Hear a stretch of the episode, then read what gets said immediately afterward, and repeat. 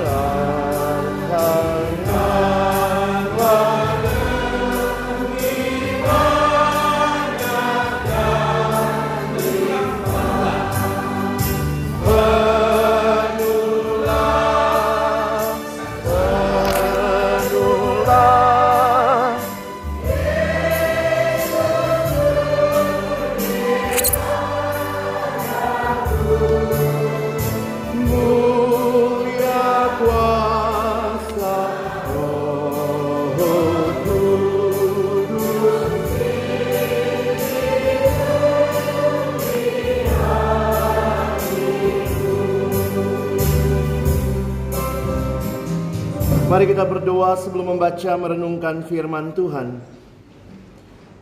Kami kembali akan membuka firman-Mu ya Tuhan, bukalah juga hati kami. Jadikanlah hati kami seperti tanah yang baik, supaya ketika benih firman Tuhan ditaburkan boleh sungguh-sungguh berakar, bertumbuh, dan juga berbuah nyata di dalam kehidupan kami. Berkati baik hambamu yang menyampaikan dan setiap kami yang mendengarkan. Tuhan tolonglah kami semua Agar kami bukan hanya menjadi pendengar-pendengar firman yang setia, tapi mampukan kami dengan kuasa dari rohmu yang kudus kami dimampukan menjadi pelaku-pelaku firmanmu di dalam kehidupan kami. Inilah doa kami, permohonan kami di dalam satu nama yang kudus. Nama Tuhan kami Yesus Kristus yang bangkit dan menang. Kami menyerahkan pemberitaan firman. Amin. Shalom. Selamat Paskah Bapak Ibu Saudara yang dikasihi Tuhan. Kita bersyukur kepada Tuhan di dalam kesempatan yang indah ini. Kekristenan fokusnya kepada Yesus, kepada apa yang Yesus kerjakan, kepada apa yang Dia bawa bagi kita, sehingga kita melihat fokus di dalam ibadah sebenarnya di dalam sejarah gereja dicatat gereja lebih dahulu sejak awal merayakan itu adalah Paskah. Saudara baru kurang lebih di abad keempat tahun 313 gereja merayakan Natal. Tetapi sesuatu yang dirayakan sejak awal adalah Paskah. Sehingga kita mendengar atau kita membaca di dalam Alkitab ketika mereka beribadah pada hari pertama minggu itu. Itulah yang membuat orang Kristen kita beribadah pada hari Minggu dan memperingati apa? Kita memperingati Paskah. Kalau Bapak Ibu mengingat atau rajin ke gereja selama satu tahun, tiap hari Minggu datang gereja, Berarti Bapak Ibu sudah merayakan Paskah 52 kali. Kenapa? Karena memang ibadah minggu secara khusus di, diberikan menjadi peringatan akan kebangkitan Kristus. Nah saudara yang dikasihi Tuhan, inilah yang harusnya terus menjadi peringatan bagi kita. Banyak orang yang mengatakan waktu Jumat Agung itu Yesus kalah, menangnya waktu Paskah. Seorang teolog bernama John Stott mengatakan tidak demikian. Di dalam kita mengerti Jumat Agung kemenangan Kristus di atas kayu salib. Di dalam kolose dikatakan ia melucuti semua pemerintah-pemerintah penguasa-penguasa dia menang di kayu salib dan kebangkitan ini menjadi penegasan akan kemenangan Kristus. Jumat Agung Yesus menang. Penegasan, endorsement, diberikan penegasan yang luar biasa bahwa dia sungguh-sungguh juru selamat. Dia bangkit dan menang. Saudara, di dalam kehidupan manusia, sebagaimana tema kita pada hari ini, ketika kita melihat apa yang Yesus bawa bagi kita, Dunia hanya mungkin memberikan kepada kita satu siklus hidup. Mulai dari lahir, hidup, mati. Ini siklus manusia. Lahir, hidup, mati. Tapi Kristus memberikan kebangkitan. Sehingga bukan hanya lahir, hidup, mati. Tapi bangkit itulah pengharapan kita. Sebagai orang-orang yang percaya. Karena itu Pagi ini saya ingin mengajak kita sama-sama melihat hidup seperti apa yang dibawa oleh kebangkitan Kristus. Kalau dikatakan kebangkitan Kristus memberikan kita hidup, hidup yang seperti apa yang saudara dan saya nikmati ketika Yesus sungguh-sungguh bangkit. Saudara, ayat yang sebenarnya menjadi bacaan kita sudah kita baca dalam bacaan bertanggapan tadi. Saya ajak kita kembali melihat Roma pasal 6. Saya mau kita fokus di dalam ayat yang kelima dan juga ayat yang ke-10 dan ayat yang ke-11. Mari saudara lihat Roma pasal yang ke-6. Kita akan melihat ayat yang kelima. Kita akan baca sekali lagi ayat 5, lalu nanti ayat 10 dan ayat yang ke-11. Mari kita baca bersama-sama ayat yang kelima, satu dua ya. Sebab jika kita telah menjadi satu dengan apa yang sama dengan kematiannya, kita juga akan menjadi satu dengan apa yang sama dengan kebangkitannya. Mari lihat ayat 10 dan ayat yang ke-11. Kita baca dua ayat ini kembali bersama-sama. Satu dua ya. Sebab kematiannya adalah kematian terhadap dosa satu kali dan untuk selama-lamanya dan kehidupannya adalah kehidupan bagi Allah. Demikianlah hendaknya kamu memandangnya bahwa kamu telah mati bagi dosa, tetapi kamu hidup bagi Allah dalam Kristus Yesus. Saudara yang dikasihi Tuhan, Paulus menyadari betul apa yang terjadi di dalam fakta kebangkitan Kristus. Kematian dan kebangkitan Kristus menjadi sesuatu yang nyata, bukan hanya di dalam masa yang lalu bagi Paulus. Bukan hanya menjadi pengharapan di masa depan, tetapi nyata di dalam hidup Paulus sekarang.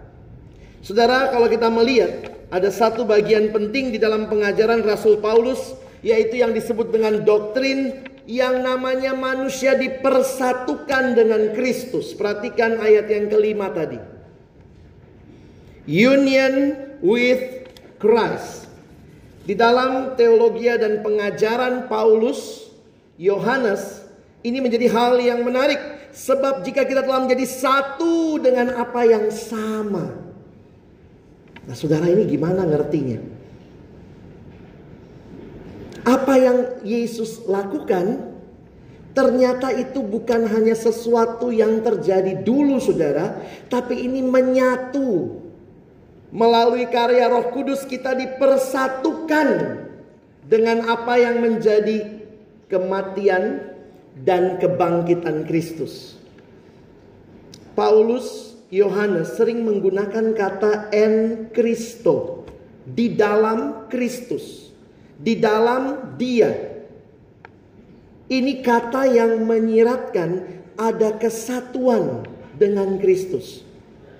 Saudara, Perhatikan di dalam teologianya Paulus kurang lebih para ahli menghitung-hitung ya 164 kali Paulus menggunakan kata di dalam Kristus. Di dalam Yesus, di dalam Dia. Jadi ada satu pengalaman iman bagi setiap orang yang percaya maka kita dipersatukan dengan apa yang menjadi sama dengan pengalaman Kristus. Ada yang tanya, gimana penghayatannya? Memang ini kesatuan rohani. This is a spiritual union with Christ. Tapi sederhananya gini Bapak Ibu ya. Coba ambil kapas, taruh dalam air. Sekarang pertanyaan saya, itu kapas dalam air atau air dalam kapas? Itu menyatu. Demikian penghayatan pengalaman bagi kita yang percaya kepada Kristus, yang menerima Dia, maka kita dipersatukan dengan Kristus. Semua orang bisa ngomong Yesus mati. Semua orang bisa ngomong Yesus bangkit. Tetapi bagi kita yang percaya kepada dia, percaya kepada kematian dan kebangkitannya, kita bisa berkata, Kristus mati bagiku. Kristus bangkit bagiku. Ini menjadi sebuah pengalaman, bukan sekedar pengetahuan. Saya ulang ya, ini bukan sekedar informasi Bapak Ibu tetapi dipersatukan dengan Kristus, membawa kita di dalam relasi yang intim dengan Tuhan. Saya kasih contoh. Bapak Ibu pilih ya dua kalimat ini ya, mana yang lebih suka? Saya kasih kalimat pertama. Kalimat pertama begini. Wanita paling kaya di dunia adalah Ratu Elizabeth dari Inggris. Ya, ini kalimat pertama. Kalimat kedua, wanita paling kaya di dunia adalah Ratu Elizabeth dari Inggris dan dia memberikan semua kekayaannya kepada saya. Ayo, Bapak Ibu suka kalimat mana? Hah? Yang kedua ya? Dasar matre. Seneng ya? Kenapa kita suka kalimat kedua? Kalimat pertama isinya hanya informasi. Tapi kalimat kedua ada rela, ada relasi. Itu yang kita alami ketika Kristus yang mati dan bangkit itu kita terima dalam hidup kita. Melalui karya Roh Kudus kita mengaku percaya Engkau Tuhanku. Engkau Allahku, Engkau Rajaku, Engkau Juru Selamatku. Maka pengalaman Kristus menjadi pengalaman kita secara rohani. Relasi itu membuat kita ngalamin, saudara. Itu indahnya. Banyak orang merayakan Paskah, tapi pertanyaannya, berapa banyak yang mengalami Paskah? Betul-betul jadi pengalaman kita. Hidup kita kita nikmati karena apa yang terjadi pada Kristus itu juga secara spiritual kita alami. Coba Bapak Ibu baca lagi ayat 5 ya. Kalau ditampilkan di depan lihat tuh. Sekarang dengan pemahaman informasi dan relasi, coba baca ayat 5 ya. Coba kita baca sama-sama. Satu. Sudah ada?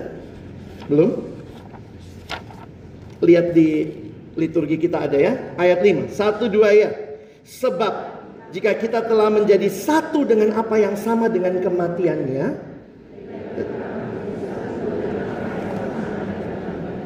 Loh yang mati Yesus. Yang bangkit Yesus itu 2000 tahun yang lalu. Ada Bapak Ibu di situ? Ada yang sempat selfie di samping salib? Oh Pak saya ada tuh Pak di bawah kaki salib.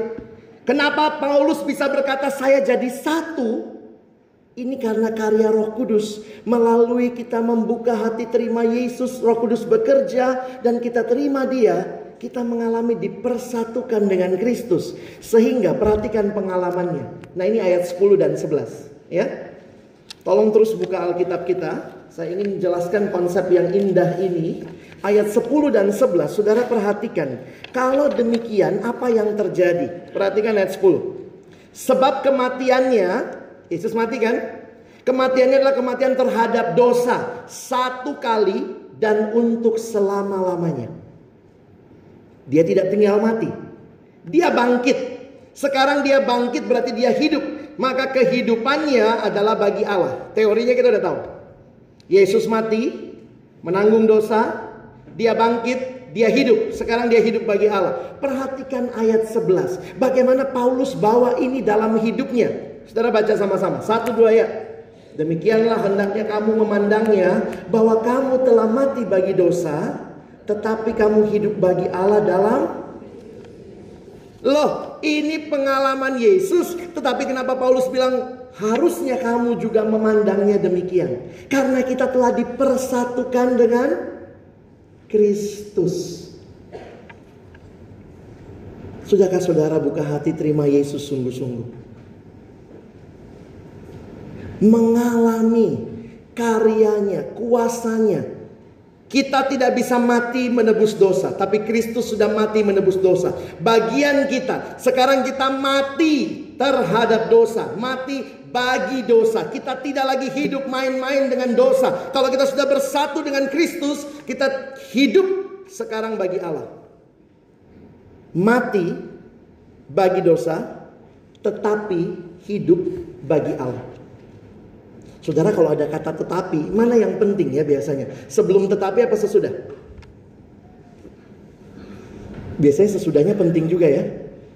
Dia cantik, pinter, kaya, tapi sudah mati. Nah dengar belakangnya ya. Tapinya penting. Ini mau ditegaskan, kamu mati, telah mati bagi dosa, tetapi kamu hidup bagi Allah.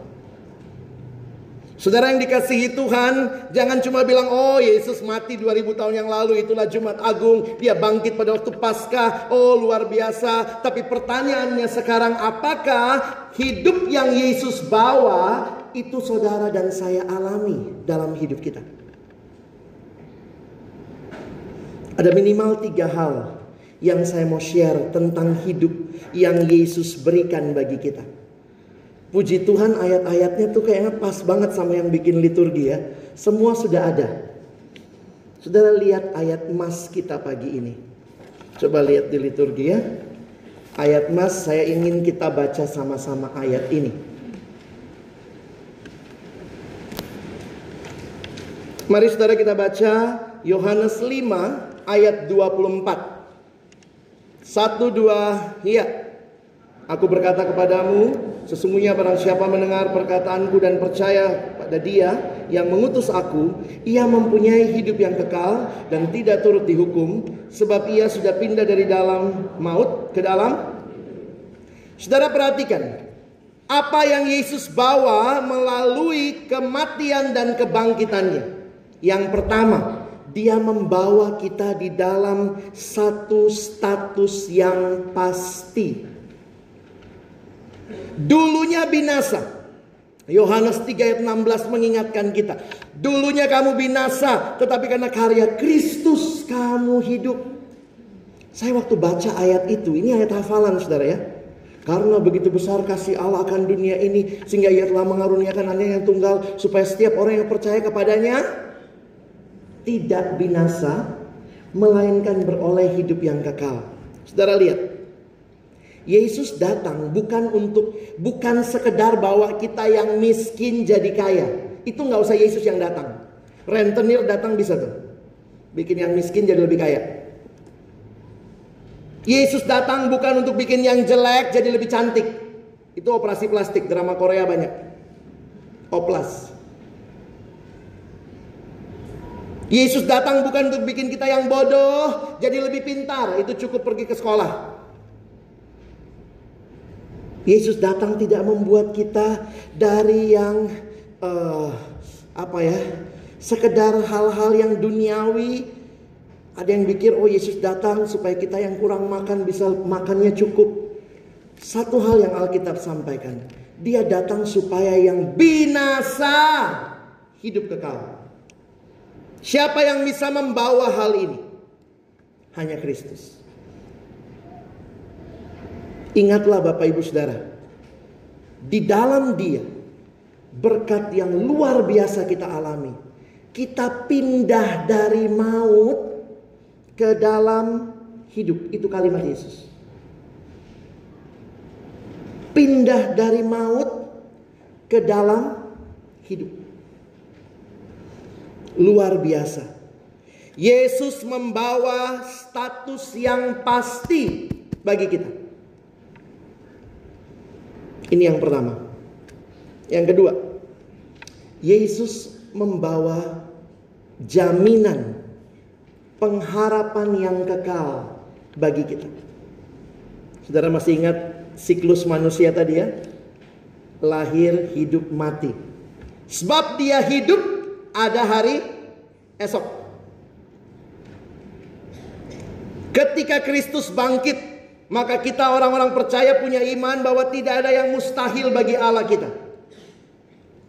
Kalau kita hidup di luar Kristus, pokoknya selesainya di mati. Ya udah mati selesai.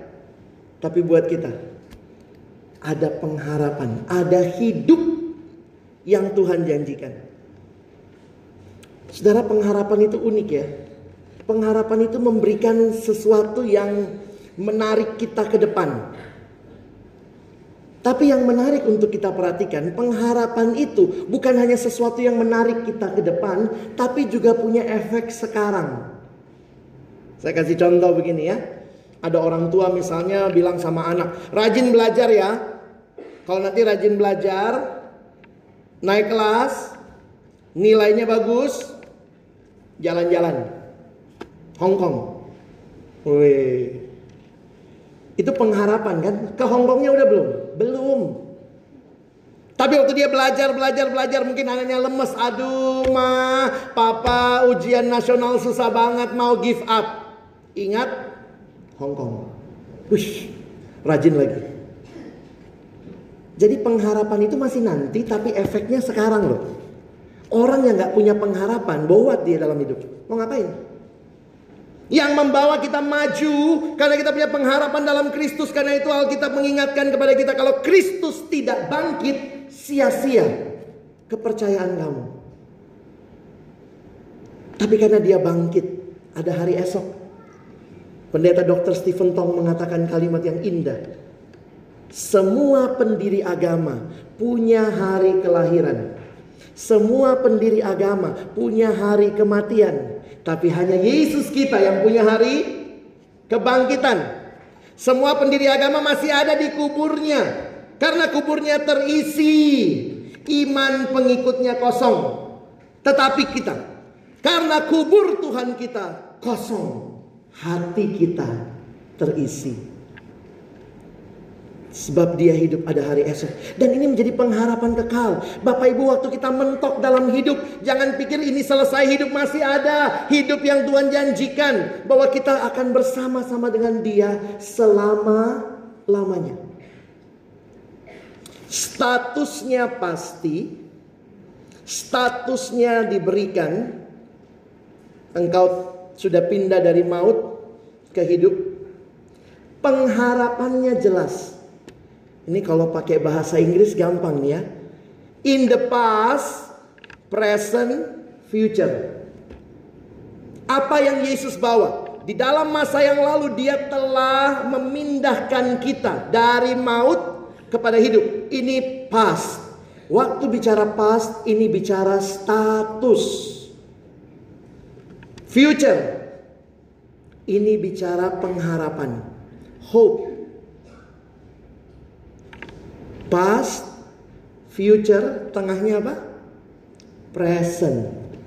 Hidup kita di dalam Kristus, ada di dalam kehidupan yang baru karena kita tahu status kita telah dibenarkan dan kita yakin jaminan kita pasti.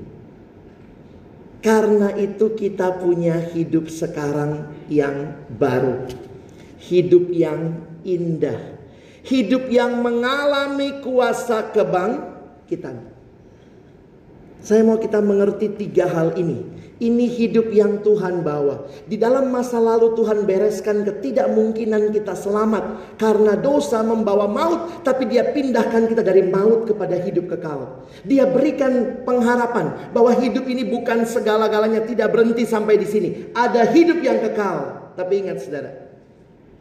Kebangkitan juga memberikan kita hidup yang indah now. Bapak Ibu jangan hidup di masa lalu. Ada orang yang hidup di masa lalu ya. Aduh, dulu saya begini, dulu saya begini, hidupnya masa lalu terus. Ada juga yang mimpi, hidupnya masa depan. Kalau udah susah, kalau udah susah, misalnya ada yang udah datang lagi utang, langsung doa Tuhan datanglah segera. Yang datang yang lagi utang. Jadi kadang-kadang kita gitu ya kita tidak bisa melihat hidup kita sekarang dengan utuh kalau kita punya pengharapan yang jelas kekal, masa lalu yang Tuhan sudah berikan jaminan, tapi ini harus mewarnai hidup kita sekarang. Nah, Bapak Ibu coba lihat yang Paulus katakan lagi ya. Filipi pasal 3 ayat 10 11 sebagai ayat yang terakhir yang ingin saya bagikan bagi kita. Filipi pasal 3 ayat 10 dan 11. Yuk kita baca sama-sama. Filipi 3 ayat 10 dan 11. Satu dua ya. Yang ku kehendaki ialah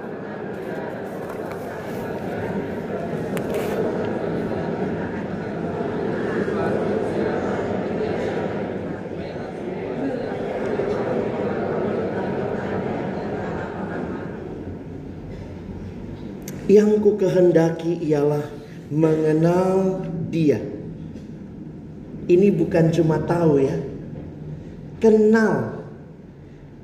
Paulus memohon Tuhan, aku ingin mengalami kuasa kebangkitanmu dan ini bukan cuma sesuatu yang nanti, tetapi sesuatu yang terjadi sekarang. Ini jadi pertanyaan buat kita. Bapak Ibu alami kuasa kebangkitan Yesus sekarang dalam hidup sehari-hari? Apa bentuknya? Apa wujud nyatanya? Bapak Ibu kadang saya sedih lihat orang Kristen ya. Ini benar-benar Kristen nggak ya? Kalau kemarin Jumat Agung kita udah bisa diajar untuk melihat bedanya nyesel sama tobat. Ini kadang-kadang jadi pertanyaan juga buat kita. Kita alami nggak kuasa kebangkitan Kristus? Banyak orang ternyata dalam hidup sehari-hari masih mempertanyakan Tuhan. Masih tidak yakin, masih ragu. Memang betul pengharapan ya nanti di surga kekal sama Tuhan. Tapi sekarang aduh bagaimana hidup saya. Coba saya tanya sama Bapak Ibu ya. Apa bedanya tahu sama tahu? Apa bedanya tahu sama tahu? Saya kasih cerita ya, nanti Bapak Ibu bedakan.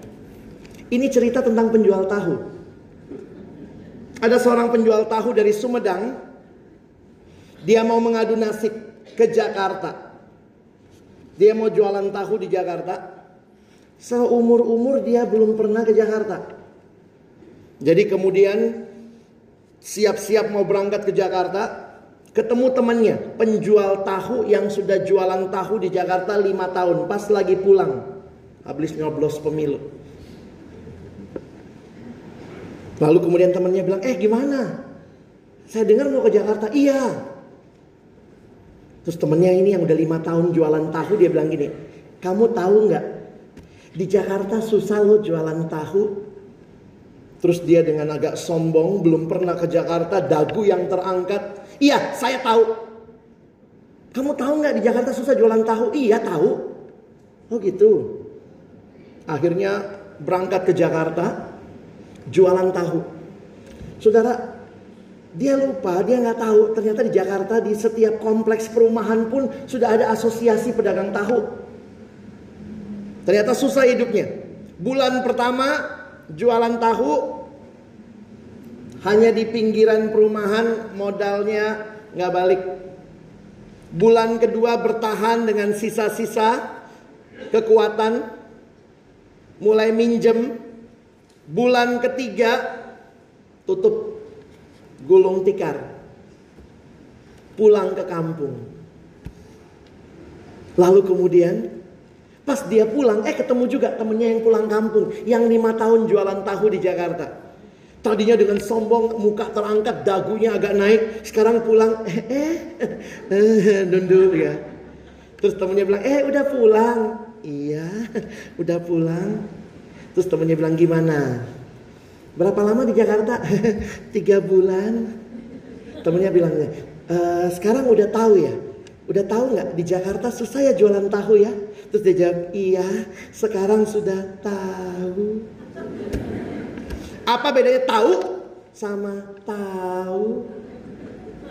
Tahu yang pertama belum punya pengalaman. Tahu yang kedua sudah punya pengalaman. Sekarang saya tanya, tes ya Bapak Ibu ya. Bapak Ibu tahu Tuhan itu baik? Jawab. Ah, you got my point. Bener ya? Bapak Ibu tahu Tuhan itu baik? Ini tahu tahu? Oh banyak orang rajin gereja, tapi kenal Tuhannya cuma di sini. Oh, di sini bisa nyanyi Allah itu baik, sungguh baik bagiku dalam hidup begitu keluar gereja. Tuhan, kenapa begini? Ini yang tahu-tahu aja banyak. Kekristenan bukan untuk tahu saja, tapi kita mesti tahu. Saya tanya sama anak SD ya, eh anak SMP. Di Jakarta itu saya suka diundang ke sekolah. Kebaktian persiapan ujian nasional. Kalau ujian nasional aja kebaktian kebaktian gitu ya. Jadi bikin kebaktian terus saya tanya sama adik-adik itu SMA ya. Kalau kalian lulus ujian nasional Tuhan baik, semua jawabnya apa? Baik. Kalau kalian tidak lulus ujian nasional Tuhan baik? Nah, mbak, ya. Saya mau tanya Bapak Ibu. Tuhan itu jadi baik tidak baik tergantung pengalaman kita. Kalau kita ngalami baik, oh dia jadi baik. Kalau saya ngalami buruk, dia jadi buruk. Tuhan ini siapa? Kita kadang-kadang tidak tahu siapa Tuhan, tidak ngalamin siapa Dia. Tuhan tidak janji semua yang ikut Dia akan lancar saja, tapi Dia janji kalau engkau ikut aku, aku menyertai kamu. Bahkan mungkin dalam kesulitan yang paling sulit, Dia hadir bagi kita. Bapak Ibu alami Paskah? Kalau kita alami pasca ada pembaharuan, ada hidup yang berubah, ada hidup baru. Saya tidak hidup di masa lalu, saya tidak hidup sekedar di masa depan, tapi masa sekarang indah karena Tuhan yang bangkit ada menyertaiku. Amin. Mari kenal Tuhan terus. Tapi bukan sebatas pengetahuan. Mari alami kuasa kebangkitannya. Karena itu mari tinggalkan dosa. Kita sudah mati bagi dosa. Kita hidup bagi Allah. Alkitab bilang Tuhan Yesus waktu ditanya, mana perintah yang paling utama? Dia bilang kasihilah Tuhan Allahmu, kasihi sesamamu manusia. Bapak Ibu, ini aplikasi bisa kita pikirkan ya. Kalau kita sungguh-sungguh alami kebangkitan Kristus, kita makin mengasihi Tuhan nggak? Itu kan ukuran juga ya. Um, coba buka satu ayat lagi ya. Yohanes 14 ayat 15. Ayat ini indah sekali waktu saya lihat. Yesus kasih satu gambaran mengasihi. Coba Bapak Ibu lihat Yohanes 14 ayat 15. Yuk kita baca sama-sama. Satu dua ya. Jikalau kamu mengasihi aku, apa bukti kita mengasihi Tuhan? Nih. Bukti mengasihi Tuhan bukan seberapa besar foto Yesus di dompet saudara. Ada orang di rumah pasang Yesus di sini, di kamar, kamar mandi juga ada. Bukti mengasihi Tuhan, kita taat firman-Nya. Jadi kalau kita lihat ini orang mengasihi Tuhan apa tidak ya lihat aja dia taat sama firman Tuhan nggak? Kalau taat sama firman Tuhan maka lebih dasar lagi dia baca nggak Alkitabnya? Kadang-kadang ini saking kudusnya nggak dibaca ya? Oh kitab suci saking sucinya nggak dibaca. Kadang-kadang dibuka lebih sering ditutup ada cerita ini, bukan di sini ya. Jangan pikir di sini. Saya kan baru datang, saya nggak tahu cerita di sini. Ada cerita hamba Tuhan besuk. Waktu besuk ya, biasa kalau orang dibesuk langsung tampil rohani semua. Oh, puji Tuhan Pak Pendeta. Oh ya contoh. Dan kemudian ini pas dibesuknya pagi, ibu-ibu dibesuk pagi, anak sekolah, suami kerja. Jadi udah ngobrol-ngobrol, makanya ini bukan di sini ya ngobrol-ngobrol. Terus kemudian waktu pas mau pulang, uh, cuantaunya bilang, mari kita baca Alkitab dulu bu, saya sebentar lagi mau pulang. Ya sebelum kita doa kita baca Alkitab. Oh iya, ibu rajin baca Alkitab. Hmm, cuantau yang nanya, jawabnya apa? rajin cuantau. Oh gitu. Dah. Terus kemudian dia panggil ya, ini ada orang yang bantu-bantu di rumah. Mbak, tolong dulu itu Alkitab ibu di atas lemari. Datanglah Alkitabnya. Terus kemudian contohnya bilang, mari kita buka mat, uh, apa Mazmur 23. Waktu buka Mazmur 23 begitu Bapak Ibu ya. Tiba-tiba waktu dibuka dari dalam Alkitab ada yang jatuh. Bapak Ibu tahu apa yang jatuh? Kacamata baca orang tua itu loh. Kacamata baca ya. Lalu pas jatuh ibu itu tanpa sadar ngomong, ya ampun ini kacamata saya cari tiga tahun. Berapa lama dia nggak baca Alkitab? Baru tiga tahun. Jangan gitu ya. Cinta Tuhan nggak? Kita baca apa tidak? Ini katanya surat cinta Tuhan, tapi banyak kita memperlakukannya kayak surat utang. Ih, nggak mau. Atau kita jadikan mistis. Anak gereja saya pernah begitu, anak remaja ya. Kokoh, saya udah nggak takut tidur sendiri. Kenapa? Saya taruh Alkitab. Hah? Terus kenapa? Ya kalau ada setan saya, oh, ini bukan buat takut-takutin kita kebanyakan nonton film Hollywood. Ini dibaca, direnungkan, dilakukan. Kalau saudara dan saya cinta Tuhan, maka biarlah firman Tuhan memenuhi hidup kita. Bukan hanya kita tahu, tapi kita lakukan. Lagunya kan jelas, kita nyanyi ya. Orang Kristen memang kalau nyanyi kadang sampai tutup mata gitu ya. Pencuri masuk nggak kelihatan.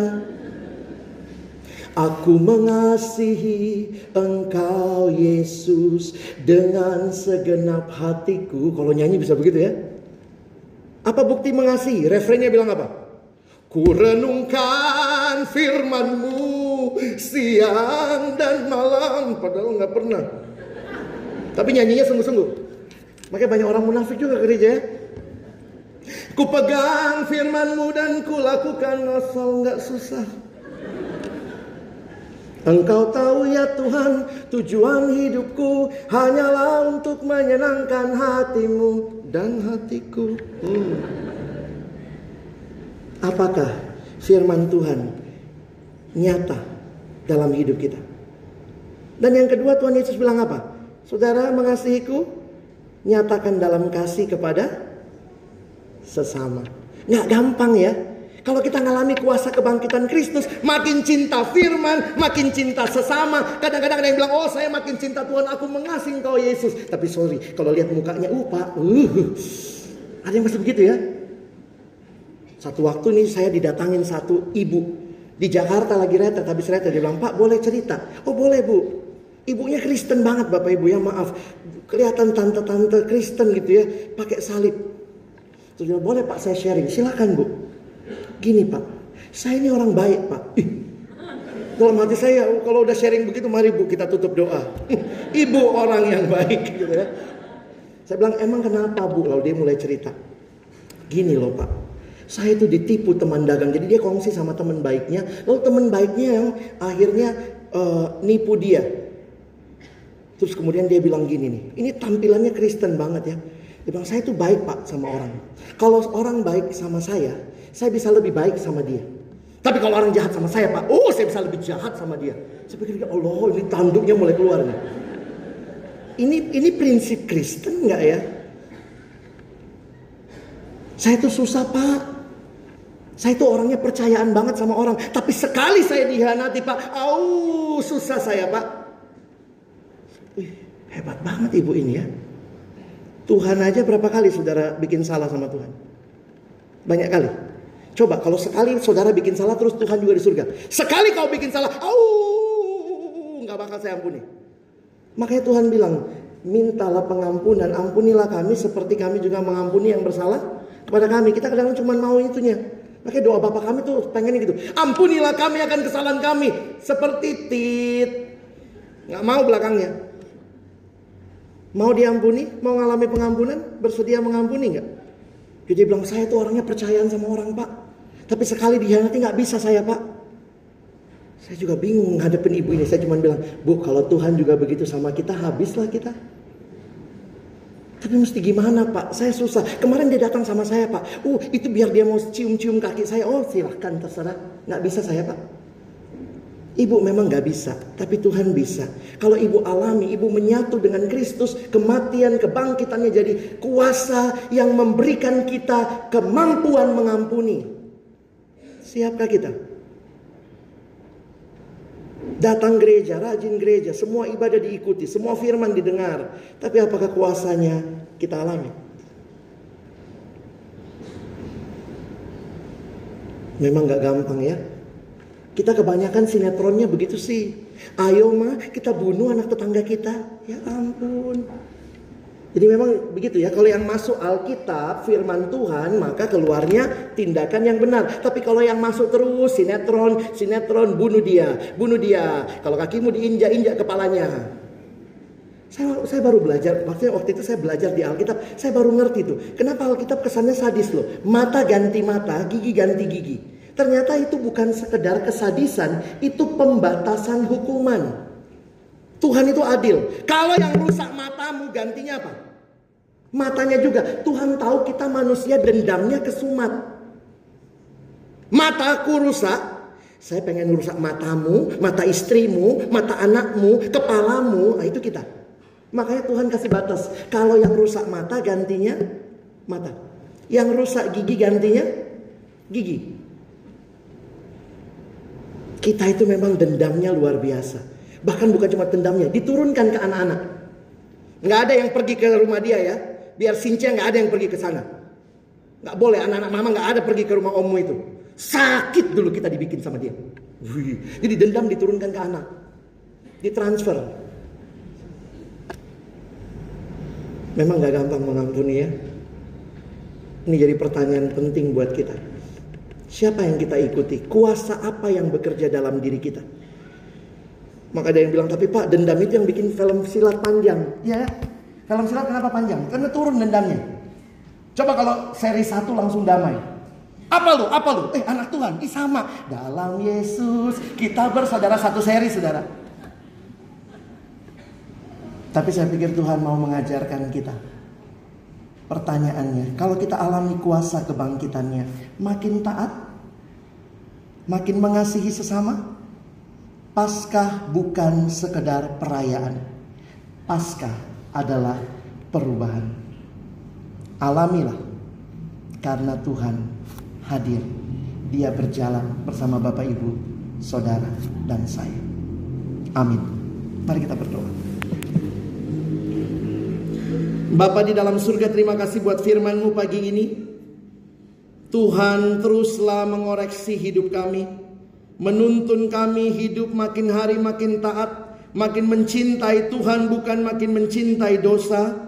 Tuhan tolonglah hidup kami makin hari makin menyatakan siapa Yesus yang hidup dalam diri kami. Dan biarlah dibuktikan dalam relasi kami dengan sesama. Mungkin ada relasi-relasi yang belum kami selesaikan. Dengan suami, dengan istri, dengan orang tua, dengan anak, dengan keluarga besar, dengan teman kami. Seringkali kami merasa kami yang paling benar. Kami bahkan mengatakan kami tidak bisa memberi maaf. Tetapi waktu kami melihat karyamu di kayu salib, kau memberikan segalanya. Tuhan tolong kami. Bukan cuma jadi pendengar firman yang setia. Kami mau jadi murid yang banyak dengar firman tapi juga berjuang melakukan firman. Tuhan tolonglah kami bukan sekedar merayakan Paskah, tapi mengalami Paskah. Karena Paskah bukan sekedar perayaan, tapi Paskah adalah perubahan hidup. Karena Yesus sungguh hidup di dalam diri kami. Kami bersyukur dalam nama Yesus. Amin.